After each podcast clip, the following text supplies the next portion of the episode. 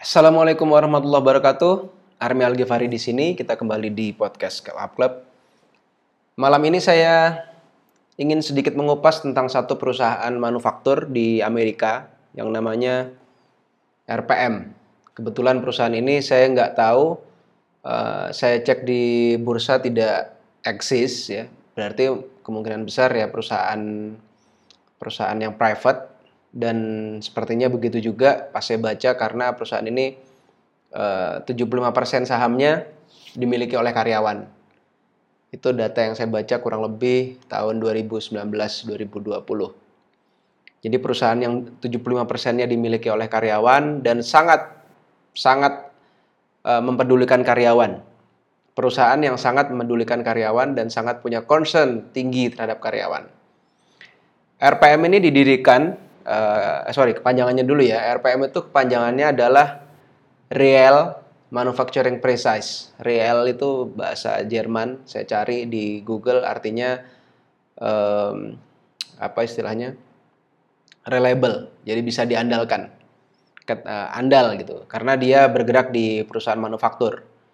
Seperti teman-teman tahu, perusahaan manufaktur itu adalah perusahaan yang sangat mengedepankan uh, presisi dari pembuatan part-part mesinnya. Saya tahu karena saya kuliah di teknik mesin, by the way, gitu ya. Jadi RPM ini didirikan tahun 1970 oleh beberapa alumni perusahaan 3M, perusahaan Jerman yang sekarang Anda kenal melalui maskernya, masker corona itu, masker yang 95% menahan virus. Nah, itu perusahaannya 3M. Nah, RPM ini didirikan oleh veteran-veteran dari uh, eh, 3M tersebut. Uh, tiga orang yang mendirikan dan pada tahun 1970 itu mereka sangat punya concern terhadap uh, produk dan mereka sangat punya concern terhadap kualitas yang bahkan uh, bisa bisa sampai orang tuh mengenalnya tuh sampai kayak di level spiritual gitu terhadap terhadap saking mereka sangat concern terhadap kualitas dari produk. Intinya kalau deal dengan RPM Artinya Anda deal dengan produk yang sudah tidak diragukan lagi. Kemudian dari sisi produk seperti itu. Dari sisi kepemimpinan bisnisnya juga mereka menggunakan prinsip yang namanya shared leadership. Shared leadership itu uh, kepemimpinan yang tidak tunggal, tidak diputuskan oleh hanya satu orang, tapi ya tiga orang itu. Jadi satu orang memutuskan, satu orang yang lagi bisa veto. Intinya adalah mereka harus bersepakat dulu dan itu sangat menginspirasi karyawan yang ada di RPM. Mereka sangat nyaman berada di RPM. Kemudian berikutnya perusahaan ini sangat konsen terhadap kesejahteraan karyawan. Ya, mereka tidak pernah lay off karyawan dari tahun 1970. Uh, eh, tingkat tingkat apa namanya? Tingkat keluarnya karyawan itu hanya kurang lebih satu persen itu itu uh, sebelum tahun sebelum tahun 2000 ya.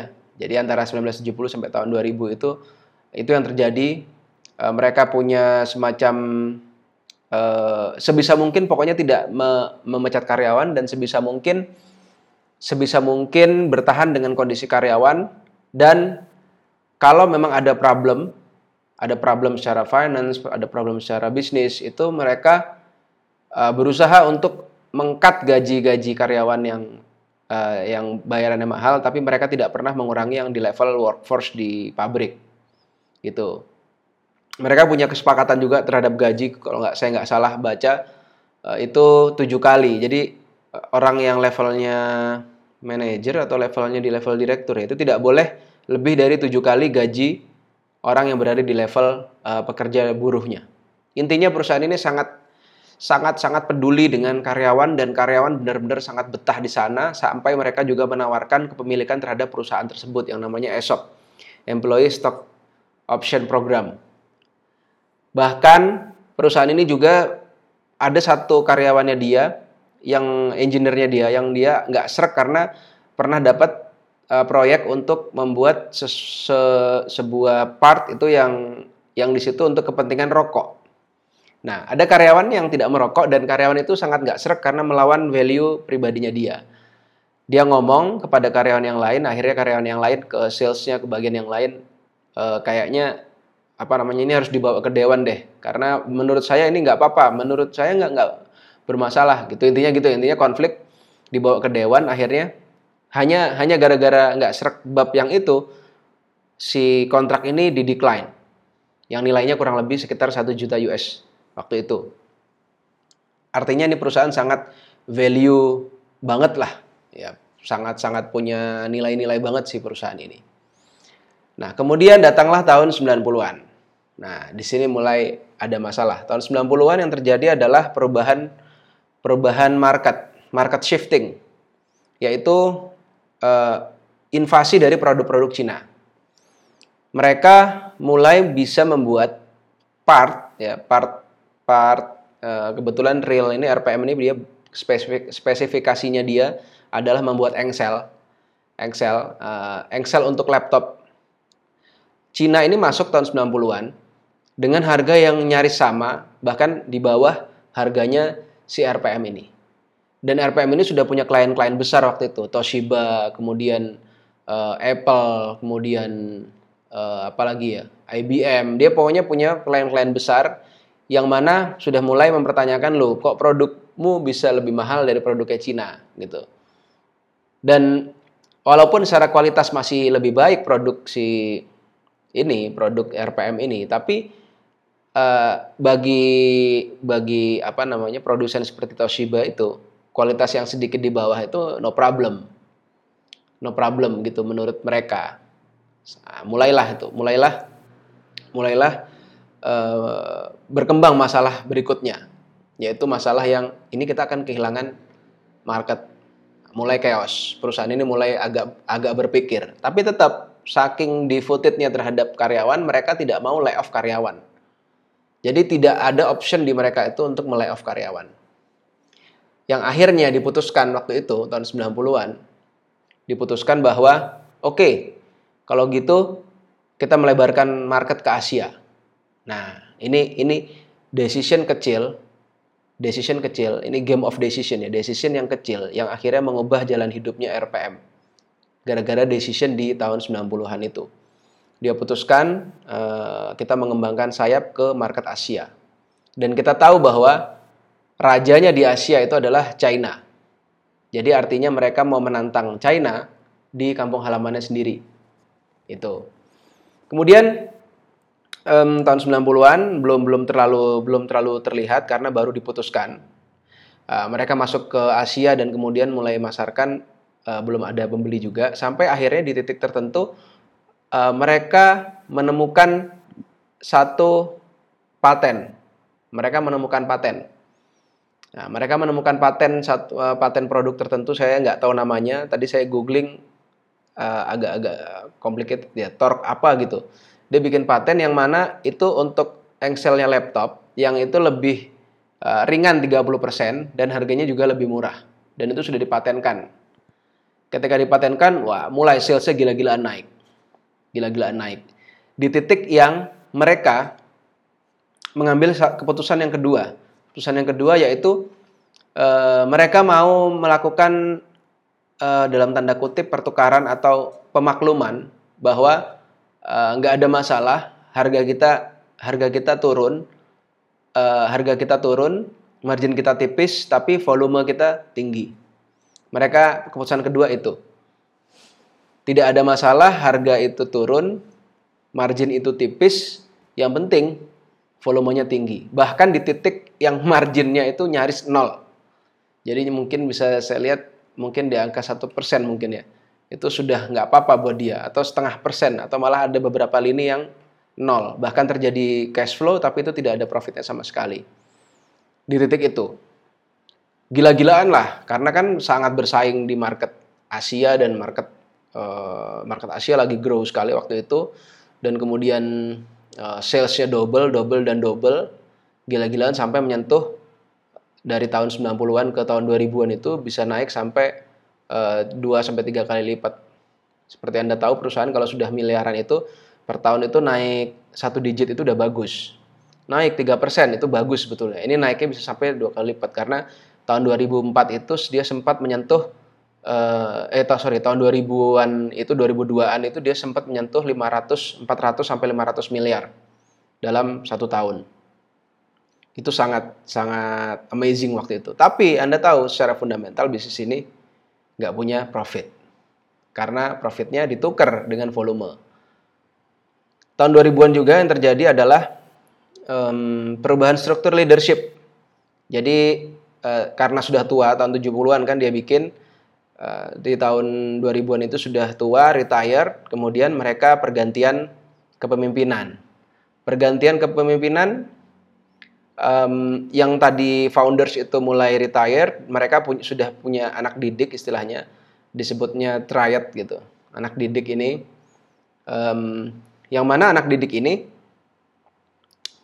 uh, mereka mengadopsi kepemimpinan share leadership tadi. Nah, nggak ada yang mau. Nah, ini ini jadi uh, apa culture problem berikutnya. Saya nggak mau mimpin kalau seandainya saya jadi uh, apa namanya solo CEO, saya jadi sendirian. Tapi kalau saya jadi co-CEO, saya nggak apa-apa. Ada orang yang sama-sama CEO, saya co-CEO-nya nggak apa-apa. Dari situ mulailah akhirnya nyari outsider datanglah satu orang namanya Donaldson masuk tahun 2000 saya lihat di LinkedIn-nya ini masuknya tahun 2000 sebentar saya lihat ya 2005 dia masuk nah 2005 dia masuk padahal ada si si siapa nih Smith ini dia sudah lama dia sudah lama di perusahaan itu. Nah, dia jadi co-CEO si uh, Donaldson-nya ini Eric Donaldson ini naik dia jadi CEO-nya nah kenapa CEO Donaldson ini naik? Karena mereka mulai merasa bahwa ini sudah mulai nggak nggak nggak benar nih perusahaan. Sudah mulai sudah mulai kolaps. Kolaps dalam arti pada tahun 2004 itu dia mengalami drop omset hingga 75 persen. Karena uh, tadi dia mengejar sangat mengejar volume sehingga mereka punya sensitif terhadap price begitu ini kayak semacam Anda main di Tokopedia ya. Tokopedia Anda jualan di Tokopedia atau Anda jualan di marketplace sangat price sensitif, geser 500 perak aja orang pindah ke toko lain. Nah, ini sama yang terjadi dengan dia. Mereka bertarung dengan Cina. Cina itu seperti kita tahu mereka sangat sangat sangat efisien sekali dalam produksinya. Yang mana dia bisa bikin lebih murah sedikit, Toshiba pindah, lebih murah sedikit Apple pindah. Nah, begitu satu klien pindah, pindahnya itu dramatically. Pindahnya itu ya ya sebul omset itu tadi, omset sebesar itu pindah gitu yang mana dari 450 miliar, 500 miliar turun tahun 2003 jadi 200 miliar, hampir setengahnya, eh, lebih malah ya. Kemudian tahun 2004 tuh turun lagi sampai 100 miliar. Bayangkan Anda dalam 2 tahun bisnis Anda hilang profit 75%. Apa yang terjadi? Nah itu di situlah akhirnya mereka mulai menyadari sesuatu, ini ada sesuatu yang salah, tapi saya udah nggak tahu ini bagian yang mana. Ini yang salah mana? Itu saya baca di saya baca di profil-profil yang saya cari-cari di Google uh, mereka mikir ini saya salah di mana ini apa apakah saya salah nih ketika saya uh, apa namanya terlalu terlalu concern terhadap karyawan dulu sehingga saya tidak berani layoff si foundernya itu mereka uh, ketika diwawancara bilang gini coba dulu itu kalau seandainya saya, boleh mengulang waktu saya tuh nggak tahu keputusan mana yang mau saya ralat jadi apakah ketika ketika saya memutuskan untuk ma masuk ke market Cina saya memutuskan untuk uh, fokus kepada market share, ya fokus pada market share itu artinya naikin volume, nurunin margin. Saya fokus kepada market share, saya masuk ke China itu uh, adalah keputusan yang benar. Jangan-jangan kalau seandainya saya nggak usah sampai ekspansi ke China, tetap konsisten dengan bisnis saya dengan bis, uh, bisnis saya hari ini yang uh, apa namanya merelakan bisnis uh, Engsel laptop tadi diambil Cina, kemudian saya concern pada produk-produk saya yang memang sudah uh, works dan saya tidak usah masuk ke market Cina, saya fokus kepada produk yang high margin, bisa jadi saya akan survive hari ini. Tapi uh, saya juga nggak tahu apa yang akan terjadi sih. Jadi dia kayak berandai-andai balik ke masa lalu. Atau jangan-jangan ketika saya melay-off karyawan juga nggak ada masalah waktu itu. Jangan-jangan itu nggak ada masalah, eh, oke-oke aja gitu. Jadi sampai sampai si foundernya itu bilang begitu. Nah, singkat cerita tahun 2004 sampai tahun 2009 itu Donaldson kan Donaldson masuk tahun 2005 gara-gara 2004 sudah mulai kolaps masuk tahun 2005 sampai tahun 2009 yang terjadi adalah shock culture. Shock culture-nya apa? Donaldson adalah orang yang tidak memiliki uh, apa pengalaman berada di RPM. Mereka uh, dia tidak mengadopsi share leadership yang dijadikan yang jadi ya yang muncul adalah Donald sebagai CEO tunggal. Dan seluruh karyawan tidak disosialisasikan karena begitu begitu saja mungkin sudah sangat chaos saya membayangkan udahlah pokoknya lu urusin lah gitu kira-kira katanya si foundernya mungkin ya. Udah lu bantuin lah ngurusin perusahaan ini jangan sampai mati kasihan karyawan. Tapi di satu sisi karyawan nangkepnya lo kok CEO-nya begini nih? CEO-nya kok jadi berantakan begini? Kok enggak istilahnya kok enggak apa uh, kok jadi enggak mengadopsi share leadership kok jadi uh, sewenang-wenang? Dan sangat sangat apa sangat concern terhadap yang namanya lean manufacturing. Jadi benar-benar sangat diukur, sangat diatur, reporting setiap hari. Yang mana itu tidak pernah terjadi sebelumnya.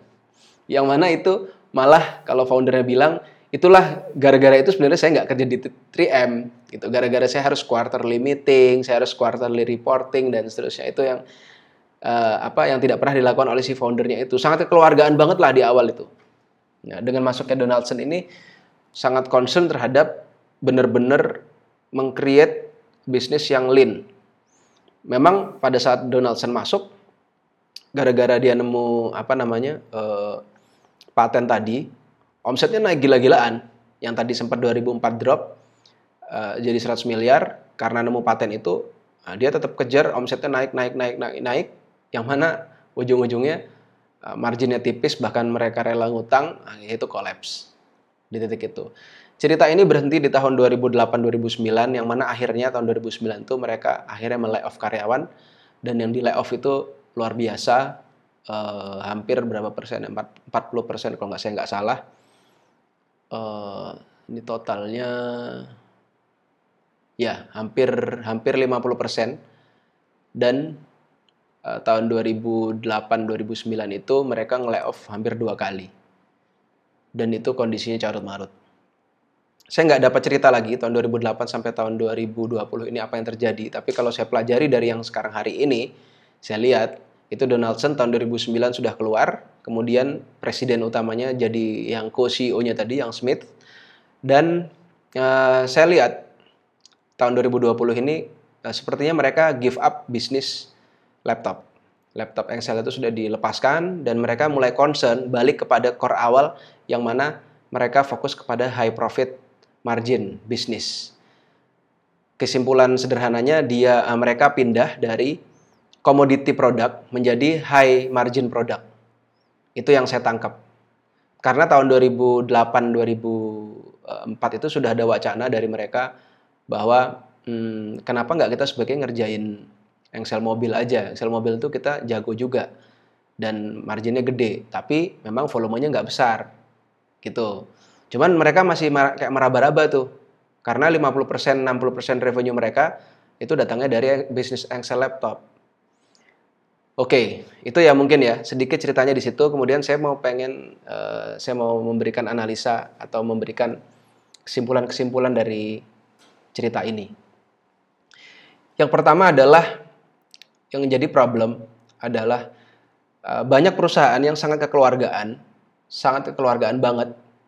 Itu akhirnya mereka jadi tidak fokus kepada bisnis itu yang sesungguh, bisnis yang sesungguhnya.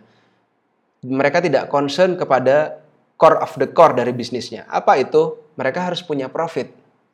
Bisnis itu harus punya profit. Dan mereka harus punya sistem untuk memantau profit itu, menganalisa profit itu menganalisa revenue-nya datang dari mana, berapa persen dia dapat profit, apakah terjadi pergeseran uh, apa namanya, ada hutang-hutang yang belum terbayar. Mereka sang, uh, mereka jarang jarang membahas itu.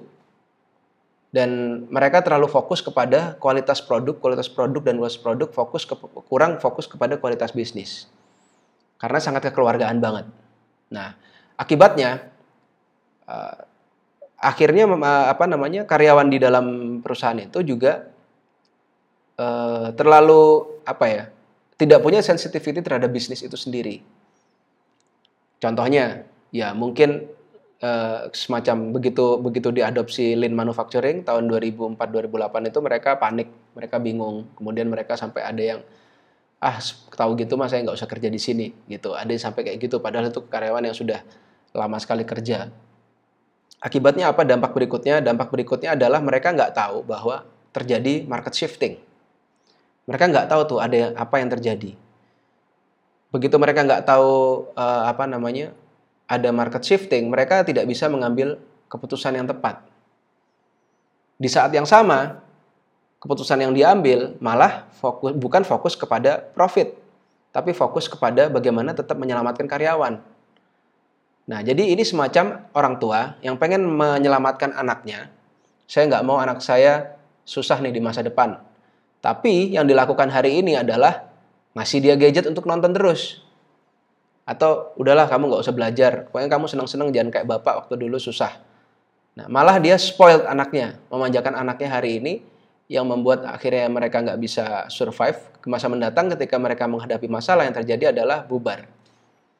Anaknya jadi berandalan nggak jelas dan seterusnya. Nah itu poin poin pertama. Jadi Anda harus hati-hati ketika satu perusahaan yang terlalu kekeluargaan tapi tidak fokus kepada melihat metrik-metrik penting di dalam bisnis itu akan jadi problem. Belajar dari kasusnya RPM ini. Yang kedua, jangan terlalu lama bermain di eh, produk-produk yang sifatnya komoditi. Produk yang sifatnya komoditi itu apa? Yang price sensitive. Yang marginnya sangat tipis, 100 perak, 500 perak itu geser sedikit, Anda langsung nggak dapat sales, yang mana itu sangat lazim terjadi di Tokopedia atau di Bukalapak atau di Shopee atau di marketplace yang lain. Anda harus sangat hati-hati di situ karena bisnis untuk survive dia membutuhkan gross margin yang cukup. Saya membuat laporan yang setiap hari, membuat sistem laporan setiap hari untuk memantau berapa gross margin kita setiap hari per toko, per unit produk, uh, supaya tidak miss ketika terjadi market shifting. Itu yang saya inginkan. Jadi kok kok gross saya terus menerus turun? Uh, ada tren apa ini? Atau jangan-jangan orang berubah nih preferensinya? Karena kita hidup di, di zaman uh, yang volatile ya, VUCA times. Volatile, uncertainty, uh, conflict, kemudian A-nya apa ya? VUCA times lah intinya lah. FUCA, Anda cari aja di Google, VUCA times. Intinya volatile, ini sangat volatil sekali. Kemudian eh, jangan sampai terlalu mengejar tadi uh, produk yang sifatnya komoditi. Lalu yang ketiga, kalau memang harus mengambil keputusan untuk spin, ya Anda harus spin jangan terlalu lama berada di dalam lubang masalah dan akhirnya malah terjadi keputusan yang tidak tepat. Dalam artikel yang saya baca ini sudut pandangnya seolah-olah kayak menyalahkan Donaldson. Donaldson waktu itu mengubah mengubah culture yang tahun 2009 akhirnya mereka CEO-nya tidak tidak uh, apa tidak mau Donaldson menjadi CEO lagi. Uh, board of board of apa ya director ya mungkin lebih ke pemegang saham mungkin. Pemegang saham tidak mau dia jadi eh, CEO lagi akhirnya 2009 dilepaskan. Habis itu ceritanya stop saya nggak tahu yang terjadi apa tapi 2020 ini yang saya lihat sepertinya mereka sudah bagus dan mereka sudah menyadari masalahnya.